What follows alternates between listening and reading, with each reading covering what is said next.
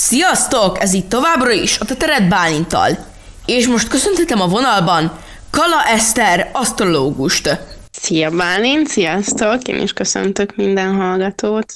Pontosan mit jelent a horoszkóp, és mit mutat meg egy ember képlete? Tulajdonképpen egy horoszkóp, ha vizuálisan szeretnéd elképzelni, akkor ez egy kördiagramként ábrázolható ábra, amit úgy állítunk föl, így asztrológusok, hogy a pontos születési órát, perced és a pontos születési helyed alapján, a koordináták alapján ma már ugye egy számítógépes program felrajzolja nekünk ezt a képletábrát, amiben látjuk a különböző égitesteket, ugye napot, holdat, minden más egyebet, Merkur, Vénusz, Föld, Mars, stb. Egyéb égitesteket, különböző számított pontokat is látunk, és uh, tulajdonképpen egy, uh, egy horoszkóp, az egy személyiség térképet mutat meg nekünk. Alapvetően a nyugati asztrológia a karakterjegyeket és a, és a személyes tulajdonságokat és hát egyéb dolgokat is megmutat, arra majd később kitérünk. És mi a különbség a nyugati asztrológia és a keleti, a védikus asztrológia között? Igazándiból vannak alapvető különbségek. A nyugati asztrológia elsősorban, ahogy az előbb is mondtam, bolygókkal, égitestekkel, különböző asztrológiai ágak, aszteroidákkal, kentaurokkal is foglalkozik, és alapvetően egy szoláris, vagyis egy, egy nap alapú rendszerben gondolkozik és dolgozik. A keleti asztrológia az egy kicsit más, azon belül is egyébként így említetted a védikust, ami főleg ugye az indiai irányzat, de ugye a keleti asztrológiához a kínai asztrológia is hozzátartozik, tehát talán a két keleti asztrológiai ágból ez a kettő, ami a legfontosabb, és uh, alapvetően az az érdekes, hogy nagy különbség nincsen, mivel hogy energiákról beszélünk, tehát különböző energetikai folyamatokat vizsgálunk mind a kettővel, Például úgy képzeld el, hogy mondjuk a keleti asztrológiában, mondjuk a kínainál vannak például állatévek. Biztos hallottál meg ilyesmiről, vagy a, a hallgatók hallottak ilyesmiről, hogy most a tigris éve van, vagy a kutya éve van. Tehát, hogy ők például években gondolkoznak, elemeket vizsgálnak, ilyen a tűz, víz, föld, levegő, illetve a kínai asztrológiában ugye a fa elemek, de összességében Ugyanúgy az energiákról szól maga az elemzés, vagy egy képletnek a megfejtése, és mi a nyugati asztrológiában ugye inkább a bolygókkal és az égitestekkel dolgozunk, de ugye említetted a védikust, ami egyébként ugye egy indiai vonal, az az érdekes, hogy az indiai, a védikus asztrológiában is 12 állatüvi és ugyanúgy 12 asztrológiai ház van magában a, a rendszerben, tehát hogy ez például egy, egy hasonlóság a nyugatival, de összességében az asztrológusok, és a, azt gondolom, hogy így a szakmán belül úgy tartják, hogy a nyugati asztrológia egy picit a karakterközpontúbb, személyiség elemzőbb, a keleti az pedig egy kicsit olyan, hogy a léleknek a, inkább a spirituális útját keresi, vizsgálja, különböző karmikus feladatokat próbál föltárni. És az az érdekes, hogy egyébként én alapvetően transzcendentális karmasztrológiát tanultam, és azzal foglalkozom, ami egyébként valahol a kettő között helyezkedik el. Tehát egy picit a nyugatihoz is, de picit a keletihez, tehát én azt gondolom, hogy így valahol úgy nagyságrendileg valahol a közepén álló irányzatok közül. És mi az, amire alkalmas és amire nem alkalmas egy horoszkóp. Például közeli vagy távoli eseményeket lát egy asztrológus. Igazándiból nagyon-nagyon sok mindenre alkalmas egy horoszkóp. Tehát például pont most 10 perccel ezelőtt, hogy, hogy mi elkezdtünk beszélgetni, pont kaptam egy, egy hívást, és az egyik kedves ismerős hívott, hogy a kislánya lassan így érettségi előtt áll, és hogy rá tudnánk-e nézni egy kicsit a képletére, mert hogy bajban van a pályaválasztással. Egyébként én imádom az ilyen kérdéseket, mert egyrészt, egyrészt egy konkrét kérdés, másrészt nagyon nagyon-nagyon jól meg lehet nézni például egy asztrológiai képletben azt, hogy egyáltalán kinek milyen a viszonya mondjuk a tanuláshoz, az alapfokú tanulmányokhoz, vagy a felsőfokú tanulmányokhoz milyen képességei vannak, milyen érdeklődési köre van. Most az érdeklődési kör alatt mondjuk gondolj arra, hogy művészi érzéke van, kreatíve, zenei érdekeltsége van-e, vagy esetleg egy, egy nagyon logikus, nagyon racionális, inkább egy ilyen matekos, fizikás beállítottság valaki. Ezt csak egy példának hoztam föl, hogy például erre teljesen jó tud lenni. Hogy mennyire látunk közeli vagy távoli eseményeket, hát ez már egy érdekesebb dolog, mert igazándiból ugyanúgy, ahogy az előbb említettem, energiákat látunk, tehát bizonyos energetikai folyamatokat látunk, tehát hogyha például eljön hozzám egy ügyfél, akinek elkészítem a horoszkópját, akkor én általában szoktam kérdezni, hogy érdekli-e egyébként a jövő olyan tekintetben, hogy mondjuk az elkövetkezendő egy-másfél évet megnézzük-e, mert ott bizonyos energetikák látszanak. Tehát látszanak egyébként tehát, hogyha mondjuk konkrétumokat szeretnénk, akkor, akkor a meghatározó életesemények például mindig látszanak egy előrejelzésben. Legyen az például egy családon belüli változás, mondjuk gyermekszületés, testvérszületés, tehát hogy valami a családon belüli, a családi életen belül változik valami. Például látszódhat költözés, de egyébként negatív dolgok is látszódhatnak, tehát például egy balesetveszélyes időszakokat én például mindig meg szoktam vizsgálni. Tehát, hogyha ül előttem egy ügyfél, és ő azt mondja, hogy igen, őt érdekli az elkövetkezendő egy vagy másfél év, akkor én például mindig felszoktam hívni a figyelmet arra, hogy mondjuk az évben van kettő vagy mondjuk három olyan időpont, amikor én azt látom, hogy balesetveszélyes időszakok lehetnek, tehát vigyázzon a közlekedésben, gyalog, autóval, tömegközlekedésben, a konyhában, késsel, ollóval, bármivel, mert azok az időszakok, azok picit azért fenyegethetnek ilyen, ilyen dolgokkal. Hamarosan folytatjuk a beszélgetésünket Kalla Eszter asztrológussal. Most pedig jöjjön a Magic-től az Inner Love Energy. Childhood Channel One.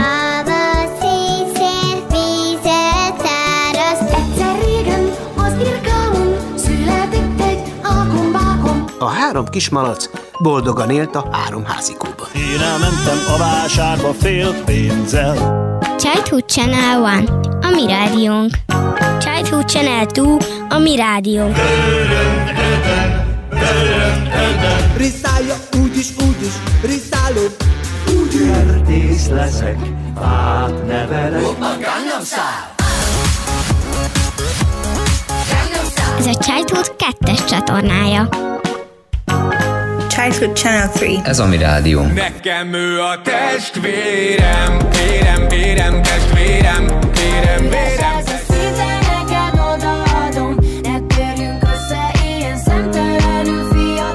Itt van az ősz, itt van újra. S szép, mint mindig én nekem. Childhood Channel. Ez a mi rádió. A mi rádiónk. Ez a mi rádiónk. Childhood Channel app. Töltse le bármelyik App Store-ból. Ez továbbra is a Tered Bálintal, és most folytatjuk a beszélgetésünket Kalla Eszter asztrológussal. Mit mondhat el az asztrológus a kérdezőnek, és mit nem szoktak, vagy nem szabad, esetleg nem illik elmondani? Például a halál időpontja, vagy az ilyenek, és egyáltalán látják -e ezeket? Uh-huh. Hát ez is egy érdekes téma, szerintem sokan sokfélét válaszolnánk egyébként erre.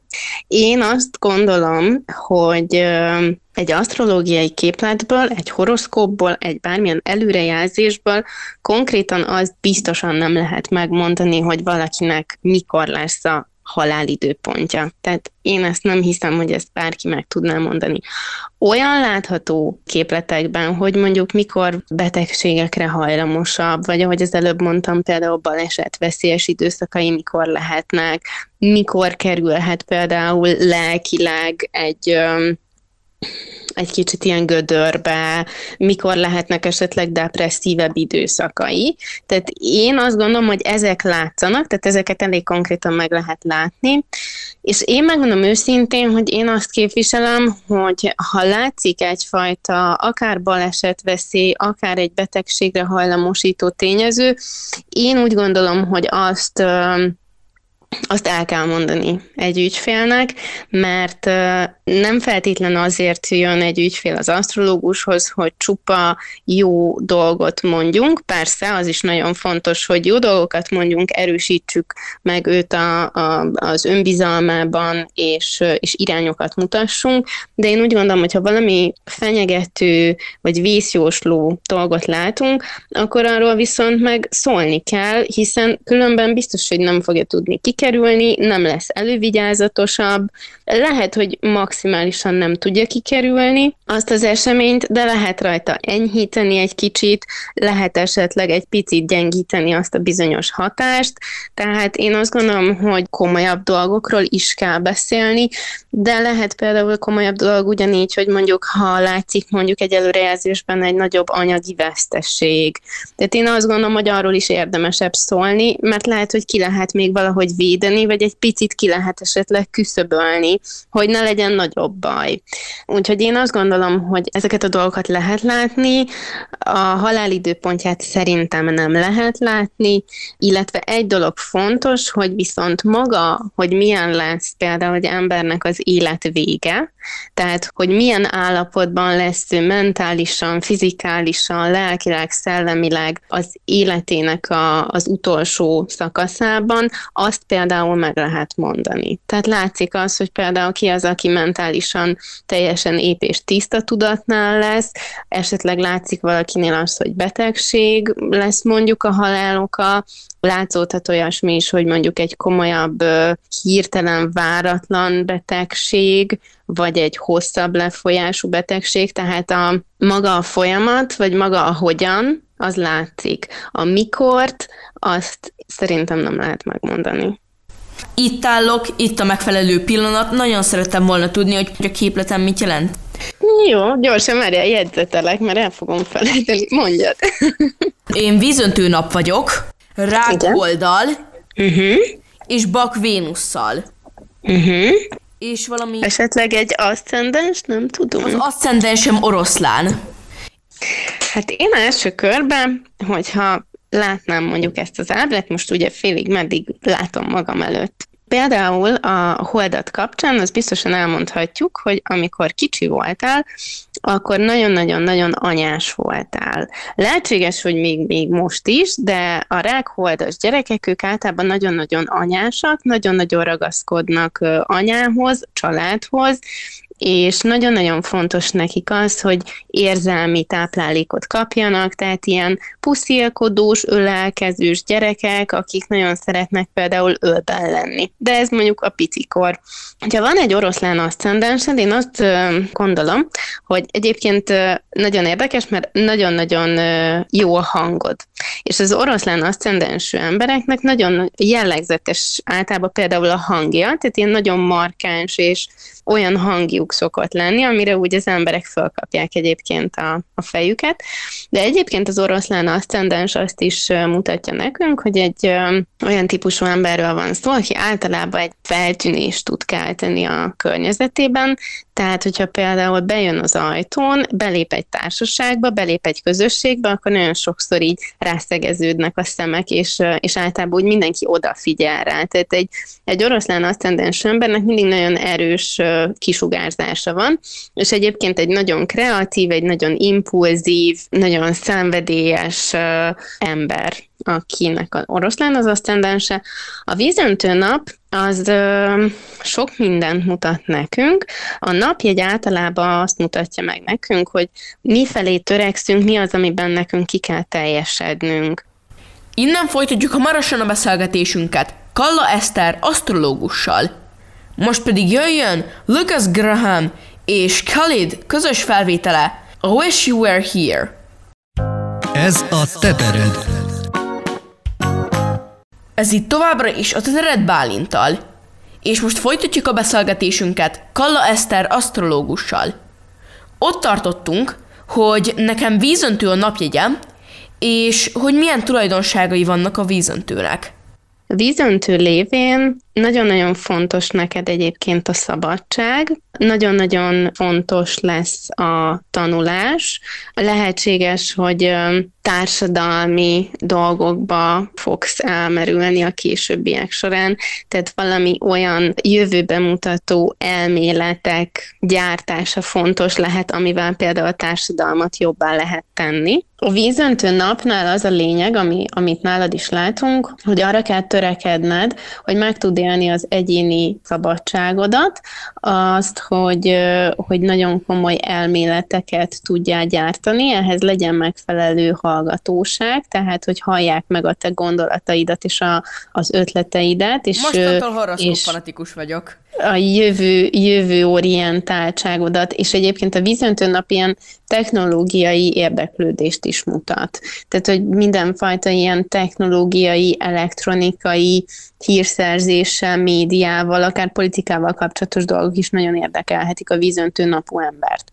Hogyha vízöntő holdad lenne, az annyiban érdekes, hogy a vízöntő hold sokkal inkább egy lelkületében egy, egy sokkal-sokkal szabadabb lélek. Tehát a nap az a tudatosságot, a tudatos céljainkat mutatja, a hold meg a lelkületedet, tehát hogy milyen vagy belül. A nap meg a törekvéseinket mutatja, a jövőbeni céljainkat, azt, hogy hova szeretnénk eljutni, vagy miben szeretnénk mi kiteljesedni. A hold az pedig hogy sokkal inkább egy ilyen bensőségesebb dolog, tehát a lelki ösztönös viselkedésünket mutatja. Tehát egy vízöntő holdad lenne, akkor talán az lenne a legfontosabb, hogy nagyon-nagyon szabad lehessél, hogy ne kössenek soha korlátok közé, hogy meg tud élni a lelki szabadságodat. Tehát például egy vízöntő holdas ember nagyon nehezen, vagy hát relatíven nehezen kötelezi el magát például egy párkapcsolatban, egy vízöntő holdas ember például családon belül is, munkán belül is, bármilyen területen is hatalmas nagy szabadságot igényel azért mondom, hogy a hold az sokkal inkább a lelkületünket mutatja, hogy belül mire vágyunk. A napjegyünk az meg sokkal inkább az, hogy hova törekszünk, és mit szeretnénk mi magunkból kihozni, és mit szeretnénk megmutatni a külvilágnak, hogy mi, miben tudunk ragyogni. Ugye nálam az van, hogy így szeretek elméleteket gyártani, előző uh-huh. elméletem így gondolkodtam, és így isteni sugallat jött így. Igen beleordítok az osztálytársam fejébe, így hirtelen oda megyek hozzá, figyelj, hogyha egy fordított dimenzióba bemennénk, és megkérnénk valakit, hogy a legkisebb számtól, a náluk létező legkisebb számtól számoljanak el valamennyiig, akkor megtudnánk, Igen. hogy mi az univerzum legnagyobb száma. Igen, így működik a vízöntő nap, hogy egyszer csak kipattan az Isten isztekre a fejéből, legyártja a saját elméletét, majd elmondja másoknak, és várja, hogy ezt, ezt az elméletet ezt támogassák, és mindenki lássa azt, hogy most mit fedezett fel, és ezt a társadalom javára kell majd fordítani, és akkor a vízöntő napú ember nagyon boldog lesz. De mindig fontos egy vízöntő napú embernek egyébként, hogy ne, ne csak olyan dolgokat tegyen le az asztalra, ami számára fontos, hanem hogy olyan dolgokban is ügyes legyen, és olyan dolgokat is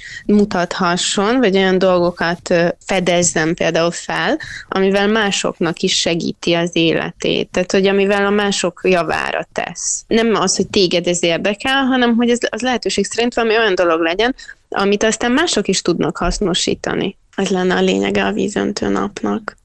És egyébként mindez a tízes házban azt mutatja, hogy, hogy nagyon-nagyon sikeres karrier lehetőség áll előtted, és nagyon-nagyon fontos is lesz az életedben az, hogy a karrieredet fölépíts. Tehát a karrier, a munka, a hivatás lesz az egyik olyan terület, ahol te valójában ki fogsz tudni teljesedni. Röviden ennyi.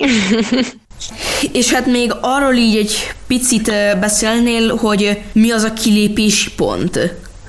Tulajdonképpen én asztrológiai szempontból nem foglalkozom vele, de hogyha mondanom kellene valamit, akkor egy picit a, az előző témához tudok visszacsatolni, ahol betegségekről és esetleg ilyen tabu témákról beszéltünk, ugye, mint betegségek, halál, stb.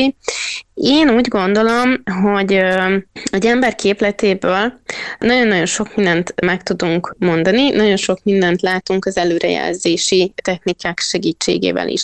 És hogyha például azt látjuk egy személynél, hogy mondjuk egy olyan időszaka van, amikor akár fizikálisan, mind szellemileg, mind lelki szinten egy úgymond gödörben van, vagy mélyponton van, és mondjuk ehhez hozzájön esetleg egy olyan időszak, amikor a karrierjében, vagy az anyagi dolgokban sem túl sikeres, tehát amikor úgy mondanám neked, hogy amikor több életterületen is egy ilyen lefele ívelő tendencia látszik, akkor esetlegesen én azt mondanám, hogy ott beüthet egy olyan akár betegség, vagy olyan esemény, ami esetlegesen mutathat egyfajta kilépési pontot. Nagyon sok iskola van egyébként erre, aki azt mondja, hogy több ilyen van, tehát van, aki úgy tartja, hogy három kilépési pont van, van, aki úgy tartja, hogy megszámlálhatatlan, tehát hogy igazándiból mindenkinél más a kilépési pont. Én megmondom őszintén, hogy én nem dolgozom vele, és nem nagyon mélyedtem el a kilépési pont témakörében. Én most köszönöm szépen a beszélgetést Kala Eszter asztrológusnak. Köszönöm szépen én is. És most jöjjön Seattle, az Unstoppable. Ez a tetered. Lehet, hogy te leszel a jövő rádiósa. Miért ne? Ezen a csatornán ez is kiderülhet. Készíts interjút, Konfoly dalokat, beszél valami érdekes témáról, arról, ami foglalkoztat téged, vagy az osztálytársaidat, és küld be a felvett hanganyagot a rádiós kukasz ch3.hu-ra. Rádiós kukac ch3.hu Mutasd meg, milyen az, amikor te készíted a műsort. Te válogatod a zenét, Te találod ki a szöveget, felveszed, mi lejátszuk. A dalokat